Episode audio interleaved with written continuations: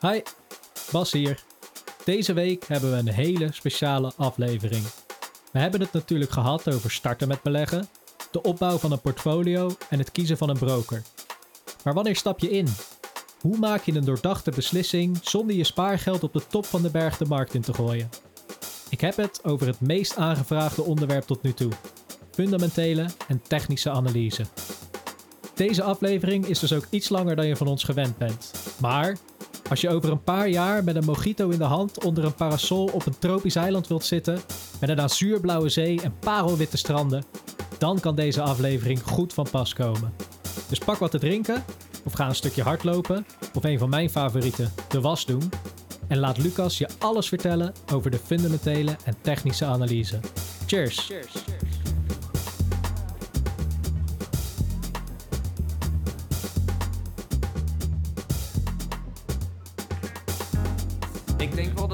wel echt helpt.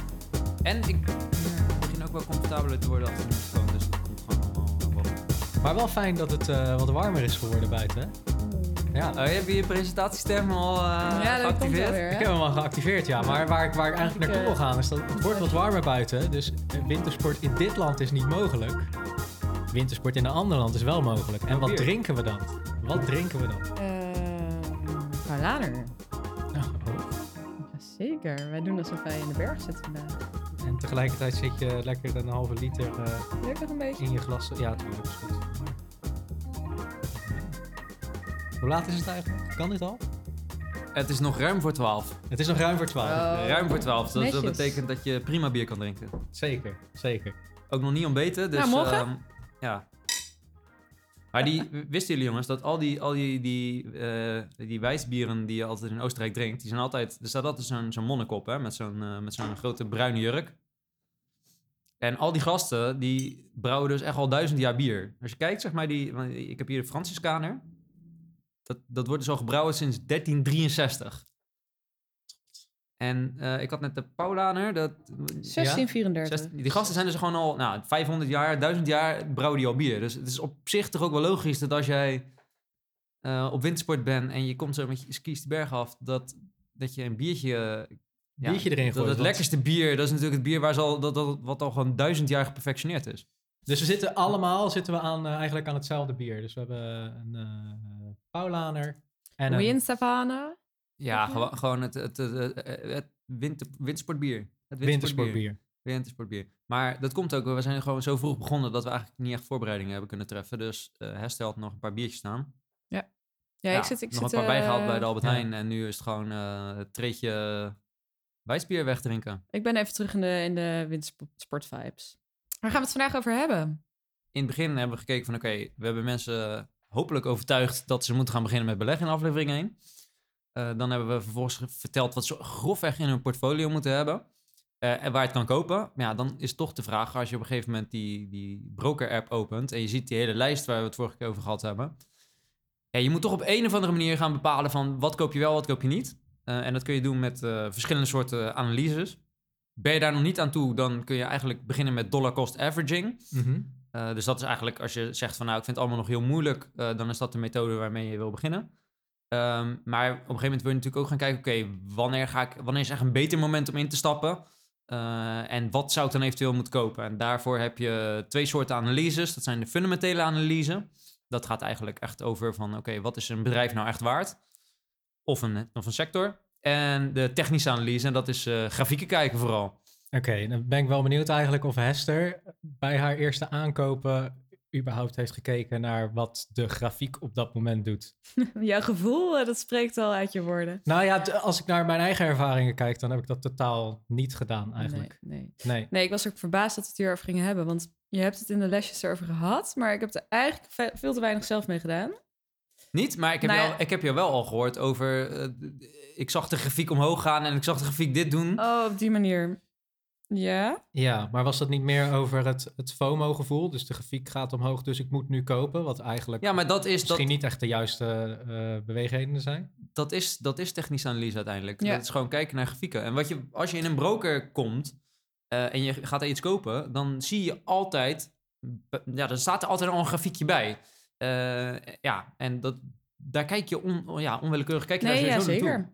Nee, maar ik kan me herinneren dat jij in je lesje ook grafieken tegen elkaar af ging zetten. Dat je zo een soort van twee lijnen had. Mhm. En dat grafiek dan op een gegeven moment ooit er ook boven komt en ook weer eronder. En dat je dat in de gaten moet houden om te weten wat echt een goed moment zou zijn. Klopt. Dus en daar heb ik nou eigenlijk nooit meer iets mee gedaan. Daar Klopt. dacht ik gisteren pas aan toen je het Maar- over had. Ja, maar dat moet je toch op een gegeven moment wel gaan doen. Ja, maar stel als je nou eh, eh, dit aan het luisteren bent en denkt, ik heb eigenlijk helemaal geen tijd om te leren over fundamentele analyses en technische analyses. Wat is dan een goede manier om te beginnen met beleggen zonder dat je er, er te diep in moet duiken? Ja, nee, dan kun je dus beginnen met eh, dollar cost averaging. Ehm, dat is eigenlijk de methode als je zegt, ja, ik, ik heb helemaal geen zin om eh, te kijken wanneer het een goed moment is of wanneer het een slecht moment is. Eh, wat je dan gaat doen, eigenlijk, heel simpel, is je, je gaat gewoon elke maand... De meeste mensen krijgen natuurlijk elke maand een salaris, want die hebben gewoon een baan. Dus dan heb je elke maand heb je, een- heb je een bedrag in je hoofd wat je zou kunnen missen en dat ga je dan investeren. Nou, eh, of dat nou 50 euro is of 1000 euro. Ehm, je, je, gaat dan gewoon, je kiest dan op een gegeven moment een product. Ehm, nou, we hebben het hiervoor steeds over de S&P 500 gehad, omdat dat een, een, hele brede representatieve index is voor, voor, eh, ja, om te gaan beleggen en ja, heel steady is. Dus dan ga je elke maand gewoon dat bedrag, datzelfde bedrag, ga je elke maand gewoon investeren. En waarom het dus dollar cost averaging heet, is omdat je daardoor dus een, je creëert een soort van gemiddelde inkoopprijs. Dus dat is het average gedeelte. Eh, als jij dus zeg maar de eerste maand iets koopt voor, voor 100 dollar en, hij en het stort daarna de tweede maand uh, stort dat, ja, die, die, dat aandeel of die belegging stort in naar 50 dollar.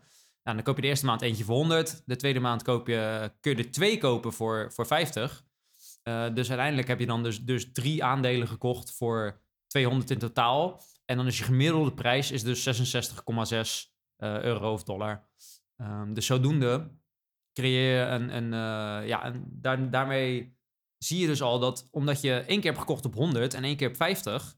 Uh, als iets omlaag aan het gaan is, uh, koop je daardoor... Die 66 zit dichter bij de 50. Dus daardoor jouw gemiddelde inkoopprijs daalt daardoor heel, goed, heel sterk. Ja. Uh, dus uh, het is vooral fijn als je dus als iets naar beneden aan het gaan is, moet je dit vooral volhouden, omdat je koopt dan dus juist goedkoper in. Uh, en daardoor ja, cre creëer je een soort van, een soort van meer steady gemiddelde prijs. Oké, okay, dus is het over de lange termijn beter om tips te kopen of beter om elke maand een vast bedrag in het aandeel te stoppen? Dat ligt er een beetje aan.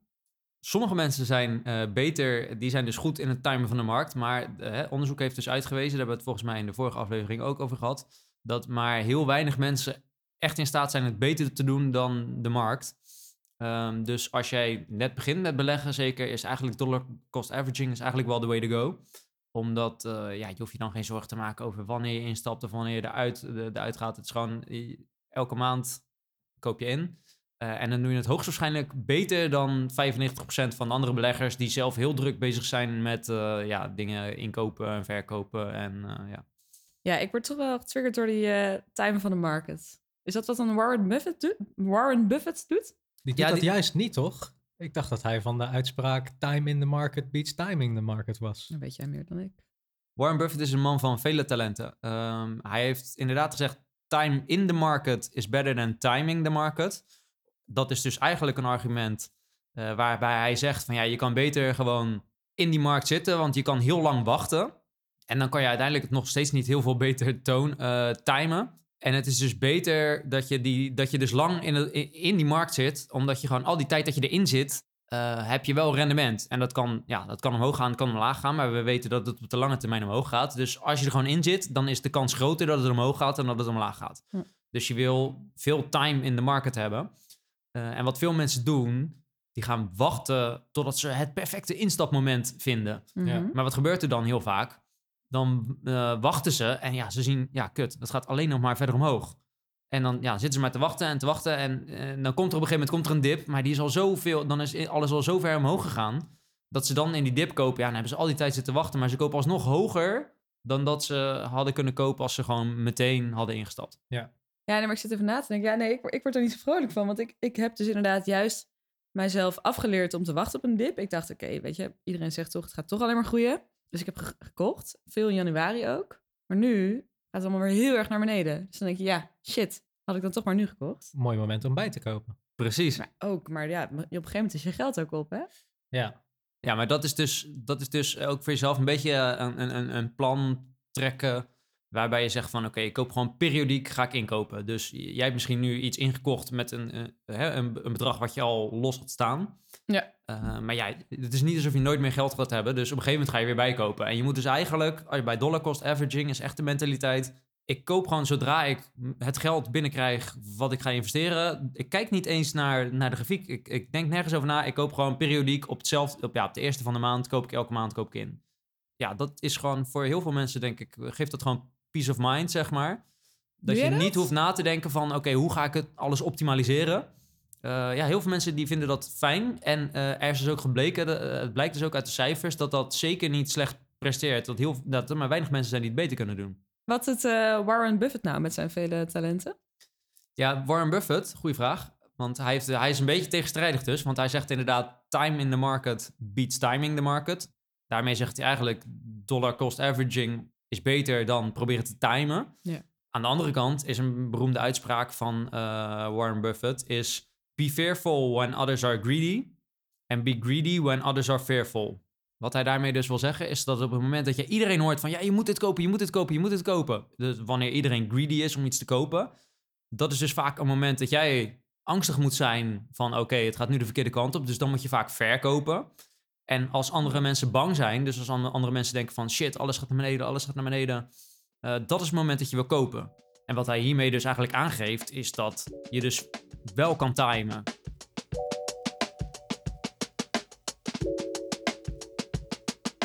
Er valt dus voor allebei wat te zeggen.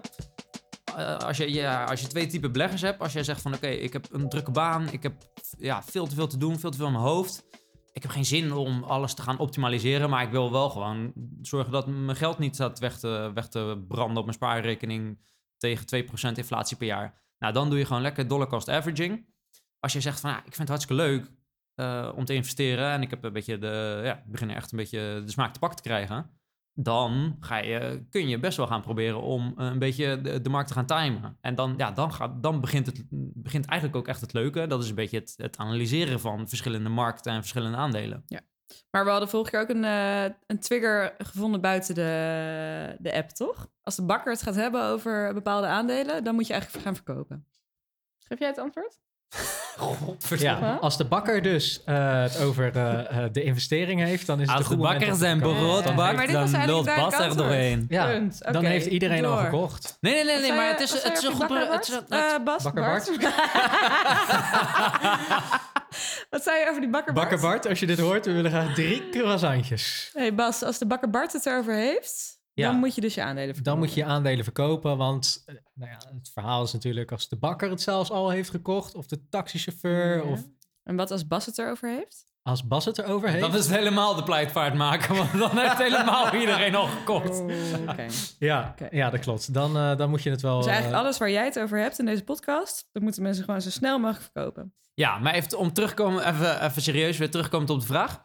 Het voorbeeld van de bakker en de taxichauffeur is eigenlijk een perfect voorbeeld van technische analyse.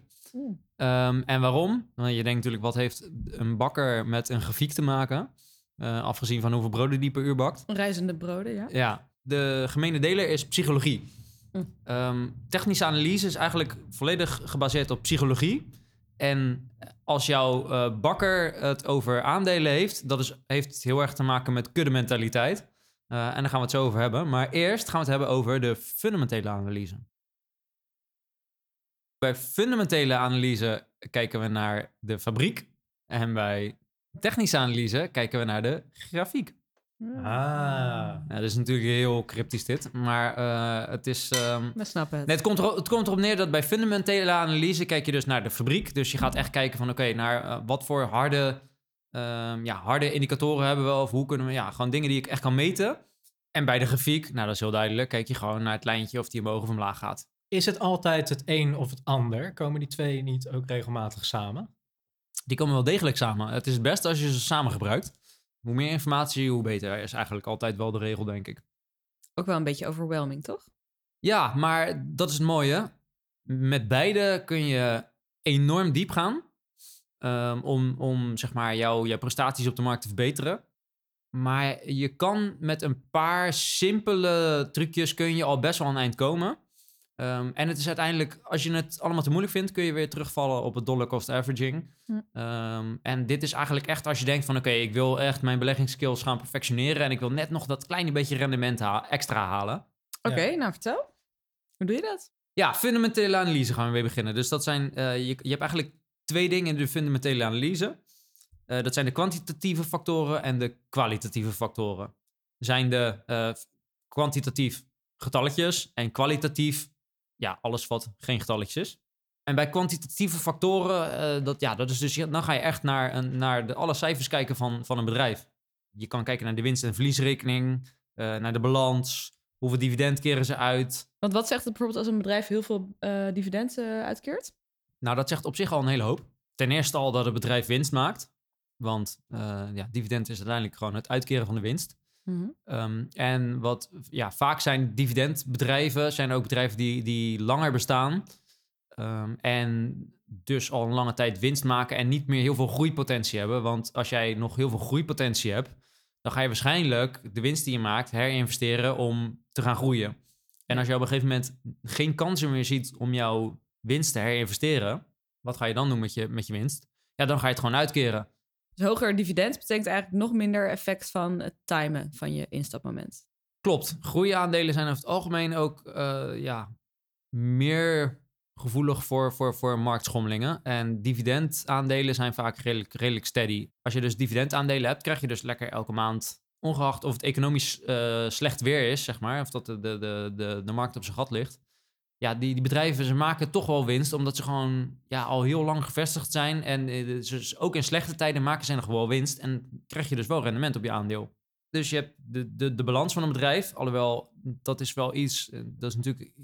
Ja, dat omvat een hele hoop. Dus. ehm, en, en de winstverliesrekening, daar geldt hetzelfde voor. Dat is natuurlijk een hele lange rij met allerlei informatie over een bedrijf. Nou, hoe kun je daar nou een beetje kaas van maken? Er zijn er bepaalde eh, indicatoren of rekensommetjes die je kunt doen om een beetje een indruk te krijgen van hoe presteert een bedrijf nou. Een van de belangrijkste indicatoren is, de, de, bijvoorbeeld de price-earnings ratio. Wat doe je daar? Je, je, je kijkt naar hoeveel kost een aandeel, dus dat is de price. Eh, en je kijkt hoeveel verdient een aandeel, hoeveel winst maken ze. Eh, dat zijn de earnings. Ik ga het even uitleggen met een heel simpel rekensommetje. Laten we zeggen, er is eh, één bedrijf, bedrijf A. Eh, en die heeft vier aandelen uitgegeven aan vier verschillende personen. Die personen hebben allemaal één aandeel. Mhm. Het bedrijf maakt 10 miljoen winst. Dus dat betekent dat die 10 miljoen, die wordt verdeeld ervan uitgaande dat zij dat allemaal uitkeren in dividend. Dan gaan zij dat alle, dan gaan ze die 10 miljoen uitdelen, eh, verdelen over die, over die vier aandeelhouders. Dus al die aandeelhouders krijgen 2,5 miljoen. Ja, dus de ratio 10 ten opzichte van 4, dat is 2,5 miljoen per aandeel.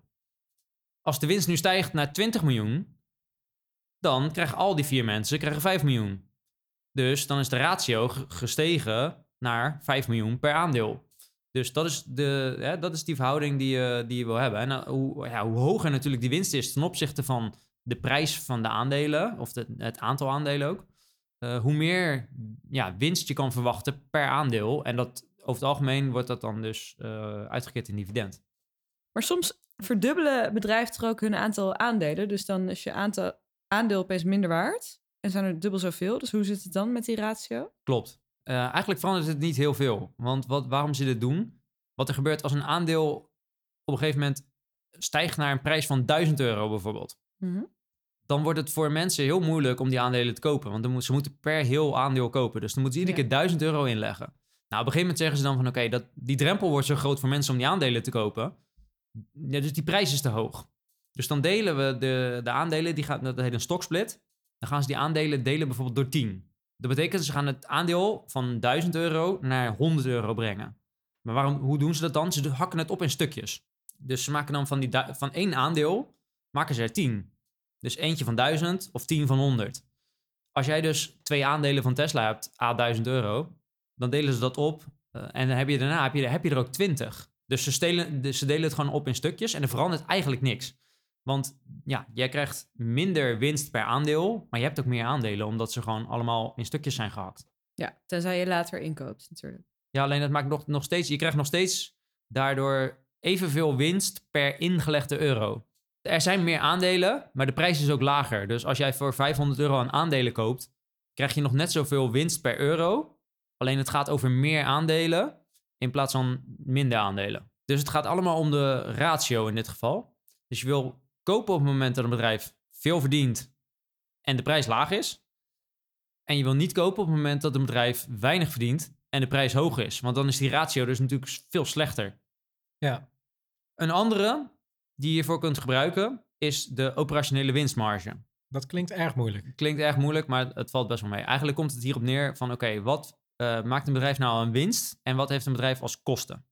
Stel dat een bedrijf 10 winst maakt, maar hij heeft aan kosten heeft hij 1. Dat betekent dat hij 10 winst maakt ten opzichte van 1 kosten. Dus een ratio van 10 tegen 1. Dus dat, dat zou, ja, dat is, maakt 10 keer zoveel winst als dat hij kosten heeft. Dat is, nou ja, ik denk voor elk bedrijf wat je in de, in de praktijk gaat vinden, is dat heel erg goed. En zo kun je dus bedrijven met elkaar vergelijken. Want die ratio is dus 10 tegen 1. Maar als je een ander bedrijf heeft die maakt 20 winst, maar die maakt 10 kosten, dan is die, dan is die ratio dus 2 tegen 1. 20 gedeeld door 10 is 2 tegen 1.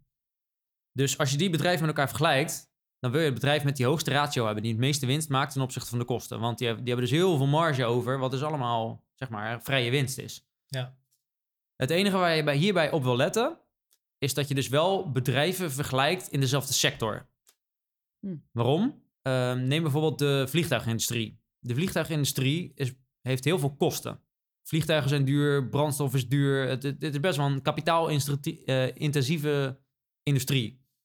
Daar zit over het algemeen heel weinig marge in. Dus wat je ziet bij vliegtuigbedrijven is dat zij bijvoorbeeld een marge hebben van, van eh, nou, ze hebben anderhalf miljoen winst en een miljoen kosten. Dus die marge is dan anderhalf tot 1. En als het ene bedrijf dus 1,6 heeft en het andere 1,4, dan is die 1,6 is al iets beter. Maar als je bijvoorbeeld ga- gaat kijken in een dienstensector, een dienstensector heeft eigenlijk ja, heel weinig kosten. Want diensten over het algemeen is dat gewoon eh, Yes. ja, iemand die een, weet ik veel, een presentatie geeft over een informatief onderwerp.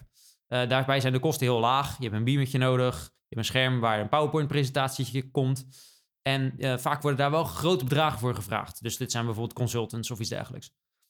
Eh, en hierbij wil je dus eigenlijk, daar is een ratio dan meestal meer in, in, in het gebied van 10 tegen 1 bijvoorbeeld.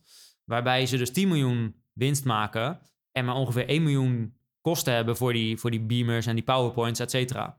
Eh, en hier, hier is dus dan, die verhoudingen liggen iets anders. Dus hier heb je misschien een bedrijf dat een ratio heeft van 10 tegen 1. Maar dan wil je hem wel vergelijken binnen diezelfde sector. Want een ander bedrijf in dezelfde sector, die heeft misschien een ratio van 12 tegen 1. Wat net iets beter is. Ja, als je dus die, eh, die consultant sector gaat vergelijken met de vliegtuigensector. Ja, dan krijg je dus een, dan wint de consultant altijd. Omdat die ratio dan of 10 of 12 tegen 1 is. Ten opzichte van die vliegtuigsector, waarbij het dus ja, rond de anderhalf tegen 1 is.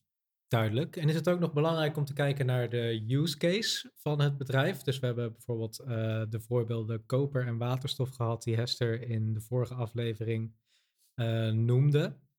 En zeg maar in mijn beeld van een fundamentele analyse was dat het eerste waar je naar kijkt. Dus hoe nuttig is het bedrijf? Is dat meetbaar of is dat gewoon een beetje natte vingerwerk en gaat het echt om de cijfers uiteindelijk die het bedrijf beha- behaalt? Dat is dan misschien meer die kwalitatieve analyse. Precies, dit zijn inderdaad de kwalitatieve factoren. Want hè, die, die kwantitatieve factoren, die, ja, dat is heel erg meetbaar, maar het is ook wel, het is wel zwaar werk. Eh, en het weegt zeker niet per se altijd meer mee dan de kwalitatieve factoren. En wat zijn dat dan? Ehm, kwalitatieve factoren zijn vooral bijvoorbeeld dingen zoals merkkracht. Als ik bijvoorbeeld tegen jullie zeg van, oké, ehm, noem hem een, een merk van een bubbelbad. Wat noem je dan? Eh, Whirlpool. Oh. Hoe dan? Oh. Bas heeft iets te vaak in een bubbelbad gezeten. Het klopt, hè? Dit is gewoon een goed antwoord. Natuurlijk niet. Ik heb over een jacuzzi. Ah. Oh, is dat een merknaam? Oh, ik, d- ik, d- ik wist niet dat jacuzzi een... eh, Zo erg is het dus. Oh, dus het is Oh, perfect. wauw. Dit is eigenlijk dus Dit is een dus perfecte goed. voorbeeld. Het is zo erg. Het product is in jullie hoofd is een jacuzzi. Maar jacuzzi is een merk dat bubbelbaden uitbrengt. Dus zo Oh. sterk is hun merk. Als jullie aan een bubbelbad dre- denken, dat, dat, is, dat is een jacuzzi. Zo sterk is het merk. Een, eh, nou, een dat is, dus, dat is dus het voorbeeld van, van een, een sterke merknaam. Nou, dat is een van de dingen die dus... eh, als je een kwalitatieve analyse gaat doen op hè, een fundamentele analyse... dan is dus de merknaam is gewoon heel erg belangrijk. Want dit zit in de hoofden van de mensen. En dit is, dit is enorm belangrijk of dat een merk het in de toekomst goed gaat doen. Nou, als mensen dat merk nooit vergeten... dat is gewoon een kracht van een bedrijf. Eh, is niet meetbaar, maar is wel extreem belangrijk als jij een aandeel gaat kopen van een, van een merk. Dus of het nou Jacuzzi is of bijvoorbeeld Coca-Cola. Je weet gewoon, die gasten gaan niet failliet, want niemand vergeet ooit dat dit merk staat voor het product. Wat zijn nog meer dingen waar we op kunnen letten?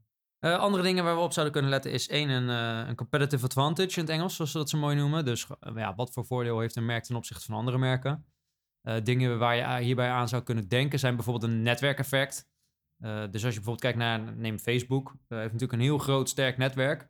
Eh, als er zoveel mensen aan meedoen, dan denken vaak mensen van ja, oh, iedereen doet eraan mee, dus ik moet ook meedoen, want anders mis ik waar de rest aan meedoet. Dus dan krijg je een soort van, ja, een soort van FOMO-effect, waardoor ja, echt iedereen, en het krijgt een soort aanzuigende werking, waardoor iedereen naar dat netwerk toegetrokken wordt en waarom je ook niet snel weggaat, omdat iedereen erop zit. Dus daar zou je aan kunnen denken. Eh, maar je kan bijvoorbeeld ook denken aan de, de concurrentie in de markt. Ehm, als er heel veel concurrentie is, dan eh, ja, zijn er over het algemeen lagere winsten. Ehm, je hebt bijvoorbeeld ook markten waarbij de, waarbij de kosten om te produceren heel groot zijn, bijvoorbeeld. Eh, en dan is het heel moeilijk om toe te treden in zo'n markt. Neem bijvoorbeeld het maken van elektrische auto's, bijvoorbeeld. Eh voorbeeld van Tesla. Je, je gaat niet zomaar even een fabriekje neerzetten om elektrische auto's te gaan bouwen. Het is moeilijk om toe te treden in die markt, waardoor de concurrentie lager wordt. Eh, en als er lagere concurrentie is, dan kun je dus makkelijker meer geld vragen voor jouw product. Want ja, er is niemand anders die het goedkoper gaat aanbieden. Nou, en zo krijg je dus hogere winstmarges. De industrie waarin een bedrijf opereert kan ook heel belangrijk zijn. Eh, en wat dan vooral, wat is de toekomstige, ja, de toekomstige potentie? Eh, de steenkolenmarkt bijvoorbeeld, ja, dat is op een gegeven moment natuurlijk een aflopende zaak. Dus als je in de toekomst gaat kijken van oké, hoe gaat dit presteren in de toekomst als een bedrijf ja, steenkolen maakt? Op een gegeven moment gaat dat, ja, dan is, is de rek eruit. Als je bijvoorbeeld kijkt naar groene of duurzame energie, dat is juist iets waarvan de potentie aan het toenemen is, omdat waarschijnlijk in de toekomst veel meer via eh, duurzame energie gaat lopen. Is dat ook de reden dat jij in waterstof had geïnvesteerd? Ja, zeker, ja. Maar ja, dan alsnog vind ik er soms geen pijl op te trekken. Klopt. En dat is eigenlijk waar we zo op terugkomen. Eh, want dat heeft te maken met technische analyse. Hmm. Voordat we daar naartoe gaan, heb ik nog één laatste puntje van de fundamentele analyse. En dat is eh, bijvoorbeeld nog een eh, regulering. Eh, dus de wet speelt vaak ook een, een, ja, een hele grote rol in of dat bedrijven veel winst kunnen gaan maken of niet. Goed voorbeeld daarvan zijn cannabisaandelen. Eh, in Amerika heb je een paar jaar geleden heb je een hype gehad met, met cannabisaandelen. Hè. Jullie hebben het misschien toen gehoord. Ze zijn in heel veel staten waren ze bezig met het legaliseren van cannabis voor, medi- eh, voor medische doeleinden. Ja, zelfs Snoop Dogg ging zijn eigen wiet verkopen. Precies. Eh, en het komt allemaal omdat er dus de regulering werd, wat, wat in sommige staten werd het gelegaliseerd. Dus de, ja, er was meer ruimte om, eh, ja, voor, voor een grotere markt. Dat is vervolgens is dat, op, ja, is dat vervolgens weer redelijk ingestort, die cannabismarkt. En dat is eigenlijk psychologische redenen. En dat heeft te maken dus met techni- technische analyse. En onlangs ehm, is er op federaal niveau in Amerika ehm, is canna- cannabis gelegaliseerd. Dus dat betekent dat in alle staten in Amerika legaal cannabis geproduceerd mag worden voor, legale, voor medische doeleinden. Ehm, en dit ja, opent natuurlijk een hele hoop potentie voor cannabis, eh, cannabisbedrijven, want de potentie, op de markt wordt veel groter. Kunnen wij alleen maar aanmoedigen natuurlijk. ja, dat sowieso. Nee, maar om even terug te komen op jouw vraag, Gester. Ehm, het kan zijn dat jij dus inderdaad ontdekt hebt dat de potentie van waterstof heel goed is, in principe op de lange termijn. Voordat we begonnen met deze aflevering hadden we het erover. Dat je aandelen daarin doet het nog niet zo goed. Nee, nee, je laat het er ook niet te veel over hebben. Maar, eh, of juist wel. Ja, want wat als ik dus... De krant staan vol met waterstof. Dat is de toekomst, net zoals koper. Dat gaat ook goed bij mij. Maar waterstof, dat heb ik dan ook gekocht. Ehm, en als je dan kijkt naar de nieuwsberichten erover... dan zijn ze ook allemaal positief. Ja. Maar toch gaat inderdaad het aandeel... ehm, ja, ik heb er eigenlijk twee verschillende gekocht. Ehm, en vooral van eentje die dan inderdaad wel heel veel het nieuws ook werd genoemd Mhm. Omdat ik toch even ging inlezen van welke kan je nou echt, eh, waar, kan je- waar kan je nou echt op gaan bouwen, waar kan je vertrouwen. Daar ben ik dus ook ingestapt, plus nog een ander die niet bekend was en heel goedkoop was. Maar die gaat nu eigenlijk alleen maar naar beneden. Terwijl als je dan kijkt in het nieuws van waar kan ik het aan wijten, dan lijkt er niks negatief te zijn. Ja, en dus dit, dan zal het gewoon een en al psychologisch effect zijn, ja. Precies. En eh, dit is dus echt een, een gevalletje technische analyse. Eh, en waarom dus fundamentele analyse? Je hebt gekeken van, oké, ik heb een bedrijf uitgezocht. Eh, in potentie zou het goed moeten zijn. Dus hè, ik heb al die analyses eh, gedaan. En ik, ja, dit is het moment om te kopen. Want ik denk dat alles, ja, dat, het staat gewoon helemaal als een huis. Eh, maar er was bekende econoom John Maynard Keynes. Misschien hebben jullie ooit wel op de middelbare school gehad met het, met het macro-economisch plaatje. Op de middelbare school kwam die al voorbij. In ieder geval bekende econoom uit, eh, uit begin 20ste eeuw. Op de middelbare school En- was het voor mij elke dag voor 20. Dus. Ja, precies. Ja, dat dacht ik al, ja. Ja, dat, eh, ja, daar ben je niet de enige in, eh, Bas. Maar gelukkig heb ik daarna nog wel iets nuttigs gedaan in mijn leven. Eh, nee, maar John Maynard Keynes, die zei eh, begin 20e eeuw, zei die, eh, de, de beroemde uitspraak van de the market can stay irrational longer than you can stay solvent. Oftewel, de markt kan eigenlijk langer onlogische dingen doen dan dat er geld in jouw portemonnee zit. Oftewel, je kan een hele goede beslissing maken, fundamenteel gezien, maar de prijs kan nog steeds omlaag blijven gaan van die waterstofaandelen omdat mensen gewoon eigenlijk maar blijven verkopen. En dat is psychologie, omdat er gewoon een soort van trend naar beneden is. Waarin iedereen denkt van, ja, waterstof het is naar beneden aan het gaan.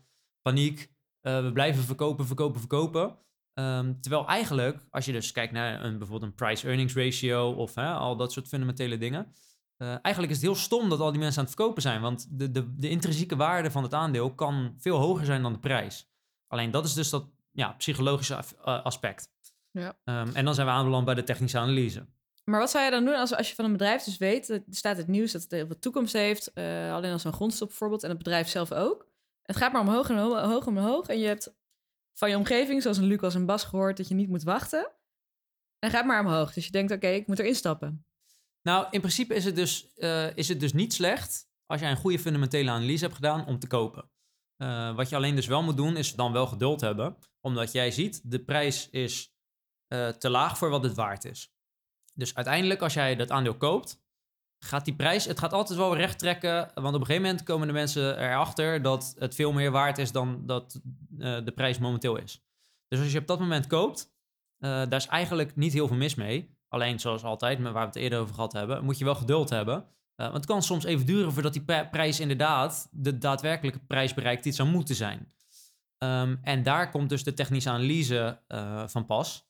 Ehm, omdat als jij die, die, je hebt die fundamentele analyse gedaan, eh, maar je ziet dat, dat die prijs van het aandeel eigenlijk al de afgelopen jaar gewoon heel steady naar beneden aan het gaan is. Gewoon een rechte lijn naar beneden.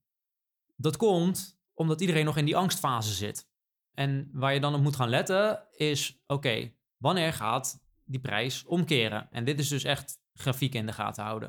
En dit klinkt heel erg als ho- hocus pocus, maar het, het, het is dus gegrond in de psychologie. Wat er namelijk gebeurt, eh, iedereen moet wennen aan het feit dat we van paniek naar optimisme gaan. Eh, dus hè, eh, iedereen is aan het verkopen. Je hoort iedereen shit, het, het gaat allemaal naar nul, het werkt niet. En wat je dan ziet, heel vaak, is ja, d- die stemming die slaat niet van de ene op de andere dag om. Eh, en dat reflecteert ook vaak in een grafiek. Dus wat je vaak ziet, is dat eh, het gaat heel erg naar beneden. En vervolgens gaat zo'n grafiek gaat langzamer, of die prijs, die gaat langzaam stabiliseren op een gegeven moment op een bepaald niveau. Eh, dus het gaat heel lang naar beneden en dan op een gegeven moment blijft hij ineens rond een bepaalde prijs een beetje hangen. Hm. En dat komt omdat dan beginnen langzaam de eerste mensen beginnen te denken van... hé, hey, ik heb mijn fundamentele analyse gedaan en ja, de, de prijs is eigenlijk veel te laag. De eerste mensen beginnen dan langzaam te, te kopen. Eh, mensen zoals jij bijvoorbeeld. Eh, en er komen dus langzaamaan komen er steeds meer mensen die denken van... hé, hey, ja, dat klopt eigenlijk wel. Eigenlijk is de prijs veel te laag.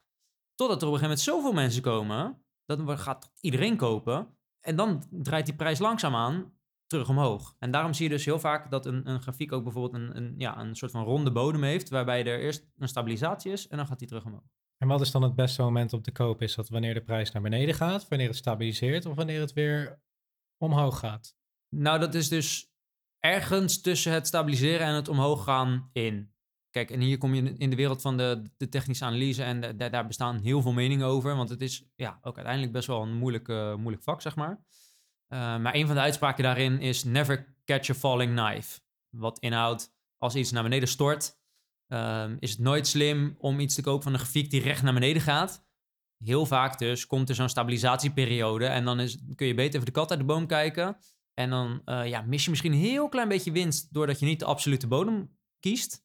Eh, maar je wacht op dat stabilisatiemomentje, dat die langzaam weer terug omhoog gaat. Nou, dan is die misschien een paar procent terug omhoog. En dan zie je van, oké, dit, is, dit is het ommekeerpunt. En dat is het moment om in te stappen. Ja, oké, maar mijne was dus al de hele tijd aan het stijgen. Hè? Dus dan denk je op een gegeven moment van ja, ik moet niet, ik moet niet blijven wachten. Dus ik, ik stap gewoon nu in. Terwijl die dus al de hele tijd heel flink aan het stijgen was. Ja, dus dit is eigenlijk iets wat, ja, waar je ook veel grafieken voor moet kijken. Eh, het is over het algemeen gewoon niet zo verstandig om iets te kopen wat eh, op zijn allerhoogste niveau ooit staat. Ehm, dus stel bijvoorbeeld, jou- jouw waterstofbedrijfje, eh, die heeft in 2015 is die op, heeft die een piekje gemaakt naar, naar 10 euro. Ik noem maar wat. Vervolgens is die een beetje ingestort naar, naar, naar 7 euro. En dat heeft een beetje een tijdje gekabbeld. Op een gegeven moment ging die weer naar 10. En nu is die de afgelopen paar jaar is die naar 20 gestegen, naar 30 gestegen, naar 40 gestegen. Nou, dan is die nu al vier keer zo hoog als op die vorige all-time high. Nou, over het algemeen is dat niet het meest fantastische moment om in te stappen. Als iets al gewoon echt meerdere keren zo hoog is als, als de vorige piek. Dus misschien is het op dat moment wel gewoon goed om even te wachten tot tot die prijs weer een keertje naar beneden gaat komen. Omdat de kans, ja, op een gegeven moment wordt de kans veel groter dat hij een keer naar beneden gaat dan dat hij eeuwig omhoog blijft gaan. Maar wat als je nou bij zo'n punt komt dat inderdaad de prijs weer naar beneden gaat, maar dat die nog steeds hoger is dan op het moment dat jij in eerste instantie wilde kopen? Is het dan misschien een goede oplossing om vanaf het moment dat je wil gaan kopen alvast met de DCA-techniek te gaan beginnen? Ja, precies, precies. Ik zie het altijd zo. Als je een aandeel of een, of een ETF van een bepaalde markt eh, omlaag ziet gaan en, er, en hij staat al, I don't know, 30, 40 procent onder eh, een prijs waar die eerder al geweest is. Dat betekent dus eigenlijk dat je een, een korting van 30 of 40 procent hebt op dat aandeel. Ja, dan is het dus de vraag van, hè, gaan we die, die, die, falling knife, gaan we die, gaan we die proberen te vangen? Dat is heel lastig. Ga je dan precies wachten op de bodem? Het blijft nog steeds een beetje lastig met timen. Dus om dat probleem een beetje op te lossen, kun je dus ook gaan dollar cost averaging. Maar dan vanaf een bepaald punt dat je ziet van hé, hey, het is al een hele tijd omlaag aan het gaan. Ik heb mijn fundamentele analyse gedaan. Ik weet dat het eigenlijk meer waard zou moeten zijn.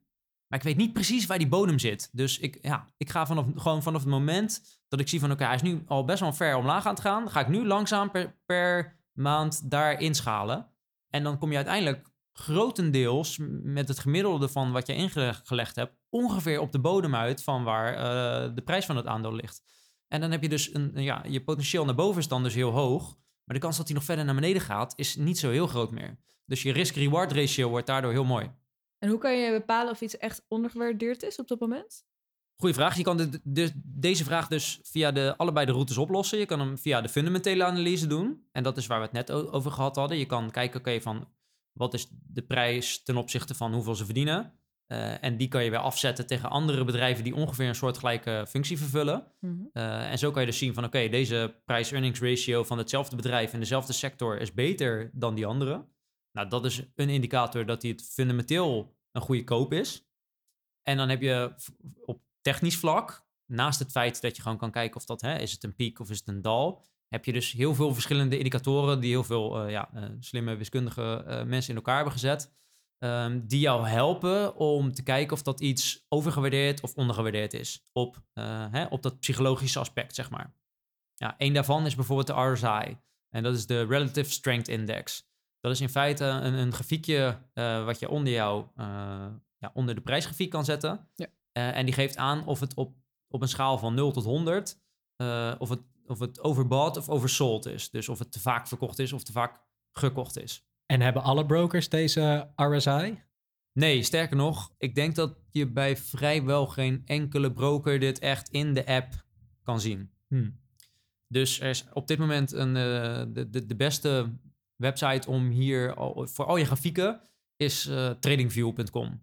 Ja, daar kun je met heel veel verschillende indicatoren, ja, dat zijn er echt honderden, eh, kun je grafiekjes plotten, zelf lijnen trekken, kleurtjes, et cetera. Je kan daar heel veel, je hebt heel veel vrijheid in om zelf eh, ja, te spelen met die grafieken en te kijken, oké, wat is nou een, ja, wat is een goed moment om in te stappen? Maar dit is natuurlijk wel voor iemand die al wat verder gevorderd is eh, en, ja, al meer stappen heeft gezet in de aandelenwereld. Ja en nee. Je hebt natuurlijk het beeld van, van die Wall Street gasten die je wel eens op, hè, wel eens op tv eh, ziet of op internetfilmpjes met twintig schermen en die honderdduizend lijnen hebben, waar, ja, waar je echt denkt van, ja, ik snap er echt geen zak meer van. Ja, ja.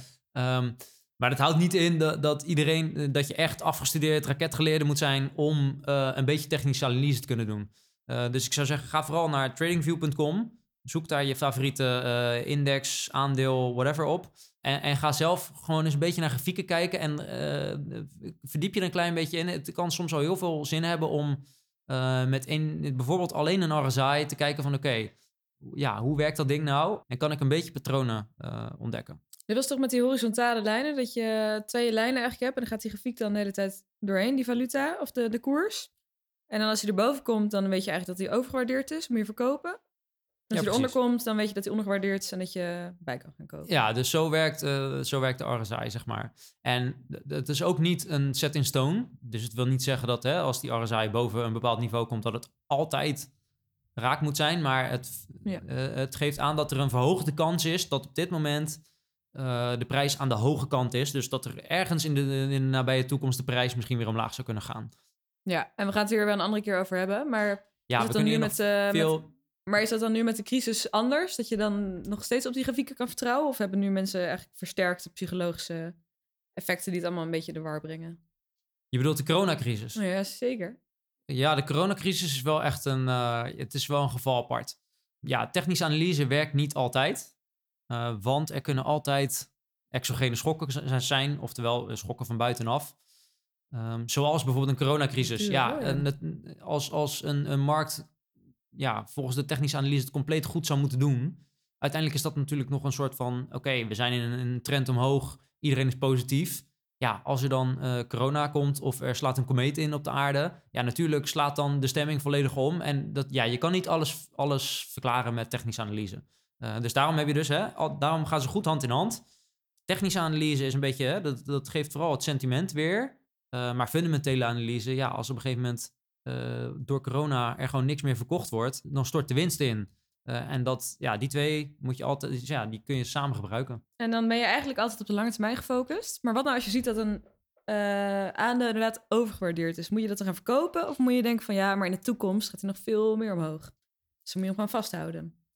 In principe, als een aandeel, als jij ziet dat een aandeel te hoog gewaardeerd is, moet je altijd neigen naar verkopen. Alleen het wil dus niet zeggen dat hij niet op de korte termijn nog een stukje verder kan stijgen. Of op de lange termijn ook, toch? Uiteindelijk. Nou ja, als die overgewaardeerd is, dan moet die over het algemeen eerst op een gegeven moment weer gaan, gaan bijtrekken naar, naar beneden toe.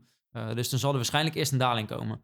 Uiteindelijk zijn het natuurlijk altijd, het, zijn, het is altijd een beetje kansrekening, hè? dus je weet het nooit zeker. Maar als jij nu ziet, een aandeel is 20 euro waard, maar ik heb mijn fundamentele analyse gedaan en hij moet 10 euro waard zijn, eh, dan is het logischer dat hij op een gegeven moment eh, wel weer een keertje naar beneden gaat. Dus dan zou je eerder willen gaan verkopen. Als je nou een goed voorbeeldje wil hebben van die, van die psychologische werking, die psychologische marktwerking, eh, dan moet je even googlen naar de, de Wall Street cheat sheet. En dan zie je eigenlijk een grafiekje met heel mooi erbij wat mensen ongeveer denken op dat punt in de marktcyclus. Eh, en dat geeft, geeft eigenlijk precies weer hoe technische analyse werkt. Eh, dus google even naar de Wall Street cheat sheet. De blunder van het seizoen, de blunder van de eeuw misschien wel. Hij schuift hem zo het doel in. Wat je dus nooit moet doen met technische analyse, Tunnelvisie krijgen. Wat is tunnelvisie met betrekking tot technische analyse? Eh, dat houdt in dat als je te veel kijkt op een korte timeframe, dus dat is, hè, je kijkt naar de grafiek van de afgelopen paar uur of de afgelopen week, dan kun je daar soms wel patronen in, in ontdekken. Alleen die reageren vaak veel grilliger dan op een lange termijn. Ehm, je kan het zeg maar zo zien. De kans dat RKC een wedstrijd wint van Feyenoord of Ajax, die is op zich best aanwezig. Dat is een momentopname van hè, een kort moment. Kan best gebeuren. Maar de kans dat RKC kampioen wordt en niet Feyenoord of Ajax of PSV, die kans die, is, die bestaat bijna niet. Ehm, kortom, als je naar de langere termijn kijkt, dan is de kans veel groter dat, dat die technische analyse werkt. Dus dat, als je, dat jouw voorspelling ook daadwerkelijk uitkomt. Maar op een korte termijn zijn ja, eh, korte termijn factoren, dus schokken vanaf buitenaf, zoals corona bijvoorbeeld, die kunnen op korte termijn vaak veel harder doorwegen. Terwijl op de lange termijn eh, ja, zie je vaak dat dat, dat kuddegedrag van wat mensen vertonen. Dus dat langzaam mensen in paniek raken en gaan verkopen. Of dat langzaam mensen weer vertrouwen krijgen. En op een gegeven moment de grafiek weer terug omhoog gaat. Dat soort patronen die kun je op de lange termijn werken die vaak beter dan op de korte termijn. Ben je een beetje korte of lange termijn, Bas? Ik zou zeggen lange termijn, maar het is heel makkelijk om jezelf te verliezen in de korte termijn. En dat is vooral wanneer je natuurlijk net iets nieuw aankoopt. Dan kan het heel verleidelijk zijn om constant te gaan zitten kijken wat jouw investering doet. En dat vervolgens dus te doen op eh, de one minute timeframe en eh, lekker eh, je, je week te bekijken en Ja, te kijken wat er dan die week gaat gebeuren. Ja, maar die korte, die korte termijn die schommelt ook veel meer. Hè? Dus eh, bijvoorbeeld stel dat de, jij naar een grafiek aan het kijken bent van een bepaald aandeel. Maar aan de andere kant van de wereld er staat eh, Warren Buffett, 90 jaar, heeft ook ongeveer 90 miljard.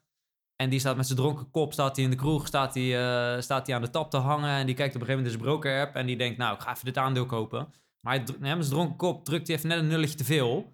Dan koopt hij ineens een, eh, ja, weet ik veel, eh, 10 miljoen aandelen. En dan daarmee schiet de prijs op korte termijn schiet heel erg omhoog. En in- ja, dus als je naar die korte termijn grafiek kijkt, dat fluctueert heel veel door dat soort momenten. Eh, terwijl als dat gebeurt, ja, dan gaan heel veel mensen gaan weer verkopen en dan gaat die prijs weer omlaag. Dus die, schommelt, die schommelt heel hard. En op de, ja, als je op de lange termijn kijkt, dan zie je dat soort acties zie je niet. Maar op de korte termijn zie je dit soort dingen heel veel gebeuren. En daardoor raak je dus helemaal in paniek. Want het gaat omhoog, het gaat omlaag. Shit, moet ik kopen, moet ik verkopen. Dat, je Ja. raakt, daar kan je sne- jezelf snel in verliezen. Lukt jou dat, Hester? Ik ben er wel gevoelig voor om eh, dan iets eh, vrolijker of iets minder vrolijk eh, de Ja, dag af snap te ik. sluiten. Wat nog heel belangrijk is als toevoeging op deze beleggingsblunder. Als jij in je broker-app kijkt en je gaat een, klikt een aandeel aan, dan staat daar heel vaak standaard een grafiekje van eh, hoe dat aandeel gepresteerd heeft. En die staat over het algemeen staat die op een hele korte timeframe. Dus je ziet daar een grafiekje. Eh je, hè, je, gaat een, je hebt een aandeel uitgezocht, je gaat hem kopen en dan zie je een grafiekje. En dat is vaak de grafiek van de afgelopen 24 uur. Ja. En die kan dus omhoog gaan, die kan omlaag gaan. Maar dat maakt eigenlijk echt geen ene donder uit. Maar dat kan, je moet dus opletten dat als je zo'n zo'n aandeel gaat kopen of, of iets gaat kopen, dat je, ja, die, die grafiek moet je eigenlijk compleet negeren. Terwijl dat is wel waar heel veel mensen, die gaan iets kopen en die zien die grafiek en die denken meteen, even kijken wat hij gedaan heeft. Kun je dus compleet negeren eigenlijk. Is het niet dan handig om daar wel gebruik van te maken bij de aankoop zelf? Dus je hebt besloten van nou, ik, kijk over de langere termijn en dit is een goed moment om iets aan te kopen, maar dan ga ik vervolgens op de 24 uur kijken of op, op, op een weektermijn, wanneer dan het beste moment is in deze korte timeframe. Ja, dat moet je dus juist niet doen. Ook omdat je, je kan dus juist op korte termijn nog veel moeilijker beslissen of dat iets omhoog, oh ja, of dat iets omhoog of omlaag zou gaan. Dus en eh, in, in, de big, in de big picture maakt het ook niet zoveel uit. Als het goed is, heb jij al op de lange termijn je grafiek gekeken op TradingView. Je hebt je fundamentele analyse gedaan, bladibla. En dan maakt het niet uit of dat je een aandeel koopt voor 38,50 of voor, voor 38,60. Want jij bent ervan overtuigd dat die op de komende twee jaar bijvoorbeeld naar 60 euro gaat. En die 10 cent verschil ja, van de afgelopen 24 uur, dat maakt dan niks uit. Nou, Maar dat- Bas- maar, maar wij blijven gewoon te emotioneel, Bas. Ja, misschien wel. Misschien wel. Ben jij nou echt een rationele aankoper dan, Lucas? Ik heb eh, ballen van staal. Ik koop gewoon wanneer ik moet kopen en ik verkoop wanneer ik moet verkopen.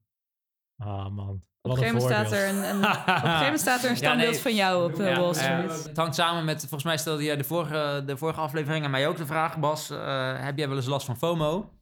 Eh, en nee, ik heb niet altijd ballen van staal. Ik heb ook last van FOMO en ik heb dus inderdaad, ik word ook wel, als ik zo'n grafiek op de korte termijn zie, dan word ik daar ook wel door beïnvloed. Alleen, ik, ik adem dan even twee keer in, of tien keer in en uit. En dan denk ik van, oké, is dit nou echt zinvol wat ik hier zie? Nee, want ik weet dat die korte termijn niet uitmaakt. Dus hè, dan probeer ik rationeel te worden. En op basis van mijn analyse die ik heb gedaan, eh, gewoon mijn strategie te volgen en te kopen of te verkopen, omdat ik die analyse heb gedaan. Dus misschien moeten we ook maar gewoon een mindfulness aflevering inplannen. Oh, dat lijkt me best wel goed. Ja? 3, 2, 1. Oh.